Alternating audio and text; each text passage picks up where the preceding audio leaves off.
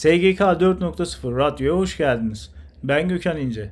30 Aralık 2021 Perşembe gününden herkese merhaba. Şu anda Köşe Yazıları programını dinliyorsunuz. Köşe Yazıları programını dinleyerek çalışma hayatına ilişkin köşe yazılarını takip edebilirsiniz. Diyerek sizler için seçtiğim köşe yazılarına geçiyorum. Ekrem Sarısu Yıpranmanızın tamamı yaştan düşülecek başlıklı köşe yazısında çalışma hayatına ilişkin soruları cevaplandırmıştır. Yazar köşesinde ilk sigorta başlangıç tarihi 7 Eylül 1999'dan sonra olanların emeklilikte yaşa takılanlar kapsamında olmadığını, henüz kamuoyuyla paylaşılan bir EYT tasarısında bulunmadığını ifade etmiştir.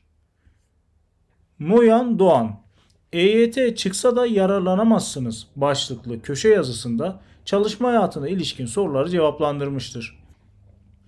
Yazar köşesinde çalışanların işsizlik maaşı alabilmek için işten çıkarılmadan önceki son 3 yıl içinde en az 600 günlük işsizlik sigortası primlerinin ödenmiş olması ve son 120 gün sigortalı olarak çalışmış olmaları gerektiğini, son 3 yıllık dönemdeki işe giriş çıkışlarının ise işsizlik maaşına hak kazanma durumunu etkilemediğini belirtmiştir.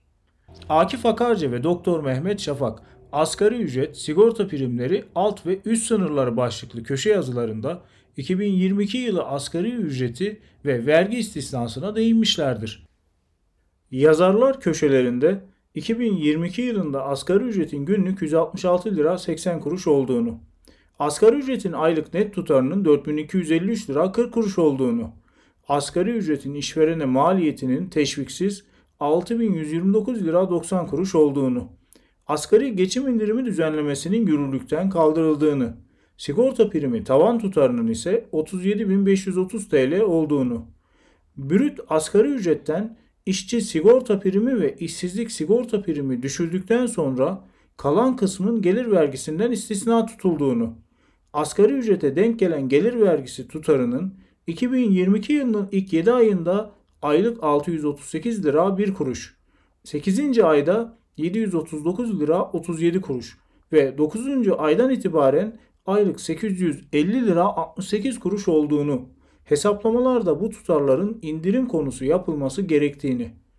damga vergisinin ise aylık brüt ücret tutarından aylık brüt asgari ücret tutarı düşüldükten sonra kalan tutar üzerinden hesaplanacağını, brüt asgari ücret kadarlık gelirden damga vergisi alınmayacağını ifade etmişlerdir. SGK 4.0 radyo kanalında köşe yazıları programını dinlediniz. Güncel gelişmelerden haberdar olabilmek için SGK 4.0 internet sitesi üzerinden haber bültenimize üye olabilirsiniz. Bir sonraki yayında görüşmek üzere.